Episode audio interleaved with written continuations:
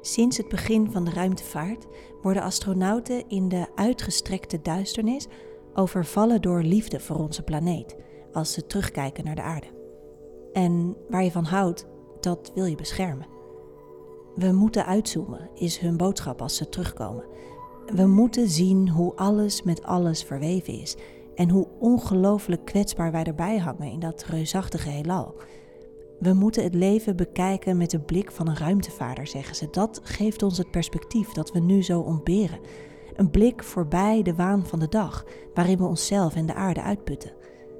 Mooi gezegd, maar hoe dan? In de warmste zomer in drie eeuwen probeer ik mezelf op te leiden tot astronaut. Aan deze kant van de Damkring. Een stadsastronaut. In de hoop een handleiding te vinden voor de toekomst.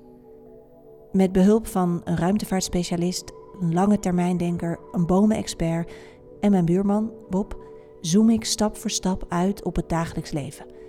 Nou ja, dat is de poging. Alleen komt het dagelijks leven daar steeds tussen.